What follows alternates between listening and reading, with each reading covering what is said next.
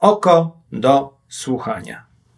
Dzień dobry Państwu, tutaj Maciek Piasecki. Witam Państwa w podcaście Oko do Słuchania. Dziś spotykam się z Bianką Mikołajewską, wicenaczelną OKO.press, szefową działu śledczego. Dzień dobry Państwu. Bianka jest współautorką tekstu, który dzisiaj próbowałem swojej przyjaciółce opowiedzieć i streścić i powiedzieć, co e, się wydarzyło. No i wyszło mi na to, że minister Szumowski, popraw mnie Bianko proszę, jeżeli powiem coś, co narazi dobra, nas na dobra, proces. Minister Szumowski jeszcze dwa lata temu prowadził bliskie interesy z osobą, wobec której teraz policja stosuje dozór mm, przy zarzutach kierowania grupą przestępczą. Wszystko się zgadza? Y, czy dwa lata temu, w 2016 roku, e, pozbył się udziałów, ale później udziałowcem została jego e, żona. E, I rzeczywiście jego były partner biznesowy, a później partner biznesowy żony, był aresztowany i to areszt przedłużano kilkakrotnie w związku z tym, że zarzuty, które mu postawiono, były bardzo poważne. E, a później ten areszt zamieniono na e, milion złotych kaucji i inne e, zabezpieczenia. A zarzuty, no to Właśnie są... mówisz bardzo poważne. Tak, to są oszustwa na wielką skalę. Prokuratura około 2000, po początku 2019 roku mówiła o 600 milionach złotych, na które mieli zostać poszkodowani inwestorzy, którzy zaufali panu Danielowi O. No to więc oszustwa, kierowanie zorganizowaną grupą przestępczą, e, pranie brudnych pieniędzy, E, szereg przestępstw dotyczących obrotu obligacjami i inne. To jest ten sam minister Szumowski, który jest teraz według sondaży najbardziej godnym zaufania politykiem.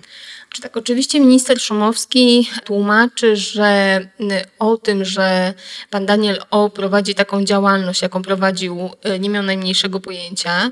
W tym samym czasie, kiedy e, spółka pana ministra i Daniela O miała budować klinikę e, kardiologiczną w Bielsku Podlaskim, w tym samym czasie w szeregu swoich oddzielnych tak, spółek e, pan Daniel O budował właśnie taką gigantyczną piramidę finansową, która wyłudziła pieniądze od setek inwestorów. E, pan minister twierdzi, że e, o tym nie miał pojęcia, że ktoś po prostu znajomy przyprowadził pana Daniela o, do niego jako takiego młodego, rzutkiego inwestora, biznesmena i że no, tak po prostu w związku z tym zdecydował się z nim wejść w spółkę. Też twoim zdaniem mówi... możliwe, żeby nie wiedzieć, e, czym zajmuje się twój, zdaje się, że bliski współpracownik biznesowy? Mnie zastanawiałoby na pewno jedno w takiej sytuacji. Zastanawiałoby mnie to, że e, mój partner biznesowy ma równocześnie kilkadziesiąt e, spółek, bo to jest zawsze taki trochę sygnał alarmowy, jeżeli ktoś równocześnie prowadzi kilkadziesiąt rozmaitych biznesów i no myślę, że to, to dałoby mi do myślenia, ale ogólnie wydaje mi się, że jeżeli zakładają biznes ludzie, mm, to tacy właśnie jak, jak minister Szumowski, on wcześniej prowadził inne firmy i prowadził z ludźmi, którzy zajmują się w gruncie rzeczy tym samym, co on, tak? Z innymi lekarzami, kardiologami, którzy zakładali razem tam przychodnie jakieś i tak dalej. I raczej zwykle ludzie idą w tym kierunku, tak? Tego, tego pokroju. Więc trochę dziwna jest sytuacja, kiedy ktoś nagle otwiera biznes z kimś, kogo zupełnie nie zna, w żaden sposób nie sprawdza, czym on się zajmuje. A dodajmy jeszcze, że y, pan Daniel O miał dosyć charakterystyczny sposób, y, czy ma dosyć charakterystyczny sposób bycia. On bardzo lubi się tak obnosić ze swoim bogactwem, jeździł takimi sportowymi samochodami i tak. Wydawałoby się, że on jest zupełnie z innej bajki niż y, pan minister Szumowski. I to też najczęściej ludzie stronią od zawierania wspólnych biznesów z kimś, no, z, ludźmi, którzy w jakiś taki skrajny sposób różnią się od nich. Tak? Najczęściej jest tak, że jednak no, tego rodzaju biznesy prowadzi się z ludźmi, do których ma się zaufanie i, i, i jakby no, nie różnią się od nas aż tak bardzo. No ale być może to są takie rzeczy względne, prawda? Minister tutaj użył swojego nazwiska, swojego dorobku, żeby legitymizować interesy Daniela O. Czy czymś jeszcze zawinił? Czy można powiedzieć, że minister, y, wtedy jeszcze nie minister, zrobił coś niewłaściwego? No tak, właśnie. Powiedzmy właściwie na czym polegał główny problem z tym biznesem. Nawet nie na samym tym, że pan y, minister założył spółkę z Danielem O. Jeszcze powtórzmy, w momencie, kiedy Daniel O. nie miał zarzutów, jeszcze nie był aresztowany. Więc zakładamy nawet y, dobrą wolę y, pana ministra. Problem polegał na tym, że pan e, Daniel O. w swoich licznych biznesach oferował e, rozmaitym inwestorom akcje, obligacje, inne papiery właśnie swoich spółek i robił to za pośrednictwem jednej ze swoich tych licznych spółek.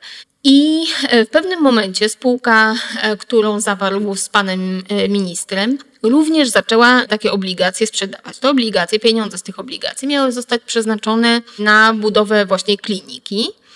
I inwestorzy, którzy byli zachęcani przez y, ludzi zatrudnionych w spółce Daniela O, w takiej pośredniczącej w sprzedaży, y, sprzedaży papierów wartościowych, zachęcali inwestorów w ten sposób, że mówili im, że tutaj za tą inwestycją stoi bardzo znany kardiolog i jakieś takie środowisko związane z nim, że jest to klinika, w której będą w przyszłości pracować ludzie właśnie związani z y, Instytutem Kardiologii w Aninie. Więc jakby sprzedawali te papiery opierając się na autorytecie profesora Szumowskiego. Tak? I potem, kiedy nastąpił kryzys w tych biznesach e, Daniela On, bo został aresztowany, przestał wypłacać ludziom odsetki od obligacji, no i inne tam jakieś nastąpiły. Piramida finansowa tak, się zawaliła. po prostu zaczęło się to wszystko sypać jak domek z kart. Również spółka, którą miał z, już wówczas żoną e, ministra, przestała wypłacać ludziom odsetki należne od obligacji i nie wykupiła tych obligacji od nich. I do dzisiaj ci ludzie nie odzyskali pieniędzy. Są w tej chwili zwodzeni przez żonę pana Daniela O, która jest prokurentką w spółce, która im obiecuje, że no tam w ciągu pięciu lat jakoś tam może zostaną wykupione te obligacje i tak dalej, i tak dalej. W każdym razie ci ludzie nie są skłonni do takich negocjacji na dzisiaj i no nie mogą też, co też jest y, bardzo ciekawe, nie mogą uzyskać na przykład dostępu do y, akt prokuratury, mimo że są poszkodowani w sprawie, nie dostają statusu osób poszkodowanych i w związku z tym nie mogą zapoznać się z aktami, nie mogą na przykład dowiedzieć się, co się stało z tymi pieniędzmi, czy w ogóle jakiekolwiek pieniądze w tych spółkach są, czy jest szansa na ich odzyskanie. No i też oni nie ukrywają takich wątpliwości, czy to przypadkiem nie jest tak, że w jakiś sposób wynika to z tego, że kiedyś wspólnikiem pana Daniela O był obecny minister, tak? Czy to nie jest tak, że po prostu komuś tam w prokuraturze przyszło do głowy, że może lepiej nie dawać im tego statusu, bo może niepotrzebnie jakieś kłopoty dodatkowe będzie miał wynikające z tego pan minister. Czy Mateusz Morawiecki mógł o tym wszystkim wiedzieć, kiedy wręczał taką ministra Łukaszowi Szumowskiemu? Czy. Nie, o tych rzeczach myślę, że nie mógł wiedzieć. To wydaje mi się nawet na 100% tego nie wiedział, ale no z całą pewnością wiedział o tym, że zarówno pan minister, jak i jego brat są zaangażowani w inne e, biznesy, czy też byli zaangażowani w inne biznesy związane z e, służbą zdrowia. No w szczególności o tym, że brat ministra jest akcjonariuszem dużej spółki, która e, prowadzi badania związane z lekami i tak dalej. Dostaje bardzo duże dotacje z instytucji państwowych, z, z funduszy europejskich y, i nie tylko, także z krajowych. No i ten fakt na pewno był e, panu y, premierowi znany. No a tutaj też pojawia się coraz więcej wątpliwości. W państwie prawa, w takim państwie, w którym chcielibyśmy żyć, gdzie obowiązuje też moralność i pewnego rodzaju transparentność, jak powinny się tutaj zachować wszelkie strony? Przede wszystkim taką zupełną podstawą powinno być to, że pan minister, podobnie zresztą jak pan premier, bo to jest trochę analogiczna pod pewnym względem sytuacja, powinni ujawnić majątek nie tylko swój, ale majątek żony również, swoich żon. Bo e, tak się stało, że pan minister kilka lat temu przepisał część swojego majątku na żonę, czy też przeprowadził rozdzielność majątkową ze swoją żoną i w tej chwili jakaś część majątku pozostaje poza publiczną wiedzą. Tak? Pan minister składa oświadczenie majątkowe, tak samo zresztą pan premier, w której podaje tylko te części majątku, które no, są wyłącznie jego, a nie podaje części majątku żony. chociaż żyją we wspólnym gospodarstwie, tak, mają wspólne dzieci. I podkreślają, jak ważna jest podkreślają rodzina. Podkreślają wagę tak, rodziny i te wszystkie tradycyjne wartości i tak dalej, i tak dalej.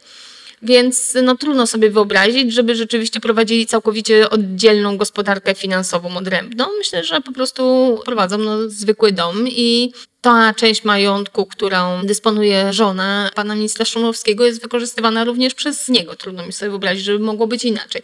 Więc on oczywiście powinien tą część majątku ujawniać. Przypominam, że PiS obiecywał, że taką ustawę, która nakaże politykom ujawnianie majątku współmałżonków, nawet przy y, sytuacji rozdzielności majątkowej, przegłosował w Sejmie, ale ta ustawa utknęła u pana prezydenta i zdaje się, że ona chyba nigdy nie zostanie podpisana.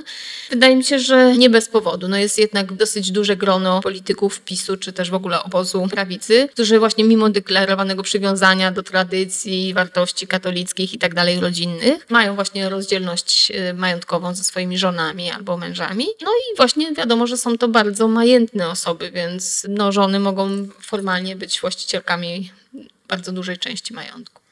Czy minister bądź członkowie jego rodziny mają teraz jakieś zobowiązania wobec inwestorów, których no, zostawili na lodzie, z tego co rozumiem z Twojego tekstu. Pani Anna Szumowska nie jest już udziałowcem spółki, która sprzedawała inwestorom obligacje. Nie wiadomo dokładnie, kiedy pozbyła się swoich udziałów w spółce. Pan minister twierdzi, że stało się to jeszcze przed aresztowaniem Daniela O. Z rejestru sądowego wynika jednak, że przynajmniej pół roku później niż po tym, jak pan e, Daniel O został aresztowany. No ale tak czy owak w tej spółce, która emitowała obligacje, pani Anna Szumowska już nie jest udziałowcem, więc to już jest problem kogo innego, nowego udziałowca, jak się rozliczy z inwestorami. Tym nowym udziałowcem został bardzo bliski współpracownik państwa szumowskich, no co wskazuje na to, że w jakiś tam sposób po prostu postanowiono się pozbyć problemu i tego obciążenia, żeby nie było tak, że to ciąży na nazwisku szumowskich. A jednocześnie ten I... gwarant, który swoim e, właśnie nazwiskiem, nazwiskiem tak. firmował, wycofał się. Wycof wycofał się, tak. A pieniędzy nie ma pieniędzy nie ma. Jest jeszcze też no, dosyć tajemnicza sprawa związana z drugą spółką, spółką córką e, Nekoru, bo według akt sądowych w tej spółce pani Szumowska cały czas jest jeszcze udziałowcem. No i tutaj znowu pan minister Szumowski twierdzi, że tak już dawno nie jest. No ale mówię, to jest w tej chwili mam ograniczone zaufanie do pana ministra, ponieważ w wywiadach licznych prasowych w ostatnich dniach twierdził również, że na przykład ta spółka Nekor w ogóle nie podejmowała żadnej działalności. To była martwa po prostu spółka, została założona i nic nie robiła. No co jest nieprawdą, ponieważ prowadziła działania zmierzające do budowy tej kliniki, wypuściła obligacje, potem prowadziła pertraktacje z obligatoriuszami dotyczące spłaty, więc jednak jakieś działania podejmowano. Nie jest to tak, że powstała spółka i nigdy nie podjęła żadnej działalności. Dlaczego dowiadujemy się tego teraz, w tym momencie? Media prorządowe, media publiczne mówią teraz o zmasowanym ataku na ministra. Ktoś porównał go do ataków na Jana Pawła II. Właśnie parę godzin temu widziałem. No oczywiście to jest, wydaje się, naturalny proces, że ktoś, kto jest w ogóle w centrum uwagi mediów, także zaczyna interesować y, dziennikarzy, którzy zajmują się na przykład takimi sprawami właśnie związanymi z biznesem i tak dalej, więc zaczynają sprawdzać to, jakie on biznesy prowadził, też no, zaczynają się zgłaszać ludzie, którzy e, opowiadają po prostu o tych biznesach z Szumowskim, tak jak tutaj na przykład obligatariusze, którzy się odezwali do Radosława Grucy, który jest współautorem, a właściwie głównym autorem tego artykułu, o którym teraz mówię. Więc to jest taki proces, że po prostu e, kiedy rośnie zainteresowanie jakąś osobą, tak jak to ma miejsce w przypadku e, pana ministra Szumowskiego, naturalne jest, że zaczynają wszyscy, nieładnie mówiąc, grzebać koło niego, tak? I, i, i sprawdzać właśnie jego przeszłe biznesy i tak dalej. No i nie wiem, nie, nie dopatrywałam się tutaj żadnego jakiegoś większego i dziwniejszego nie wiem, działania. Już na przykład to porównanie naprawdę z jakimiś atakami na Jana Pawła II, no to się zupełnie nie na miejscu. To powiedz nam w takim razie, jak to się stało, że ty zaczęłaś grzebać i w jaki sposób dogrzebałaś się. Znaczy tutaj sprawa wyglądała bardzo prosto. Właśnie do autora głównego tekstu, do Radka Grucy, zgłosili się ludzie, którzy kupili po prostu obligacje Nekoru. Opowiedzieli o tym, jak wygląda ta sytuacja z dostępem do akt w prokuraturze i potem to już właściwie była prosta sprawa, prawda, bo prostu sprawdziliśmy, jak wygląda rzeczywiście sytuacja z panem Danielem O. Dowiedzieliśmy się od prokuratury, jakie są stawiane mu zarzuty i tyle. No. Także tutaj było jakichś wielkich, specjalnych działań. Czyli to nie ma tutaj obaw, że to są jakieś podstawione osoby, które a, akurat wyciągają jakieś brudy, tylko są to ludzie, którzy mają rzeczywiście nie, od lat te Absolutnie. Po pierwsze obligacje. mamy dokumenty, które potwierdzają to, że, że te osoby faktycznie kupiły te obligacje. Po drugie prokuratura potwierdziła też, że te osoby są poszkodowanymi w, w sprawie i że również właśnie obligatariusze Nekoru no, są objęci, jakby, czy Nekor jest objęty tym postępowaniem e, z tego powodu. I no też również e, prokuratura interesuje się działalnością tej spółki, która pośredniczyła w sprzedaży papierów wartościowych spółek e, Daniela O, między innymi Nekoru właśnie, więc wszystko to się potwierdza, co mówią ludzie, którzy się skontaktowali z nami. Mamy tutaj dodatkowy wątek związany z e, Waszym śledztwem dotyczącym wirtualnej Polski. Grupa Wirtualnej Polski próbowała, a przynajmniej wydaje się, że próbowała zdyskredytować to, co chcieliście powiedzieć. Już sama nie wiem, na ile to grupa, a na ile pan minister, wiedząc o tym, że może liczyć na przychylność mediów należących do grupy wirtualnej Polski, postanowił to wykorzystać i po prostu swoją wersję przedstawić tak wyprzedzająco, jeszcze zanim opublikowaliśmy nasz tekst. Było to tak, że po prostu wysłaliśmy 14 maja pytania do pana ministra. No i to już były pytania szczegółowe oczywiście, więc pan minister dokładnie wiedział, o czym będzie artykuł, bo pytaliśmy konkretnie o Nekor, pytaliśmy o właśnie jego majątek, o to, czy ma rozdzielność majątkową z żoną. I pan minister dzień później udzielił wywiadu, a może nawet tego samego dnia, bo on się ukazał dzień później na portalu money.pl, który należy do grupy wirtualnej Polski.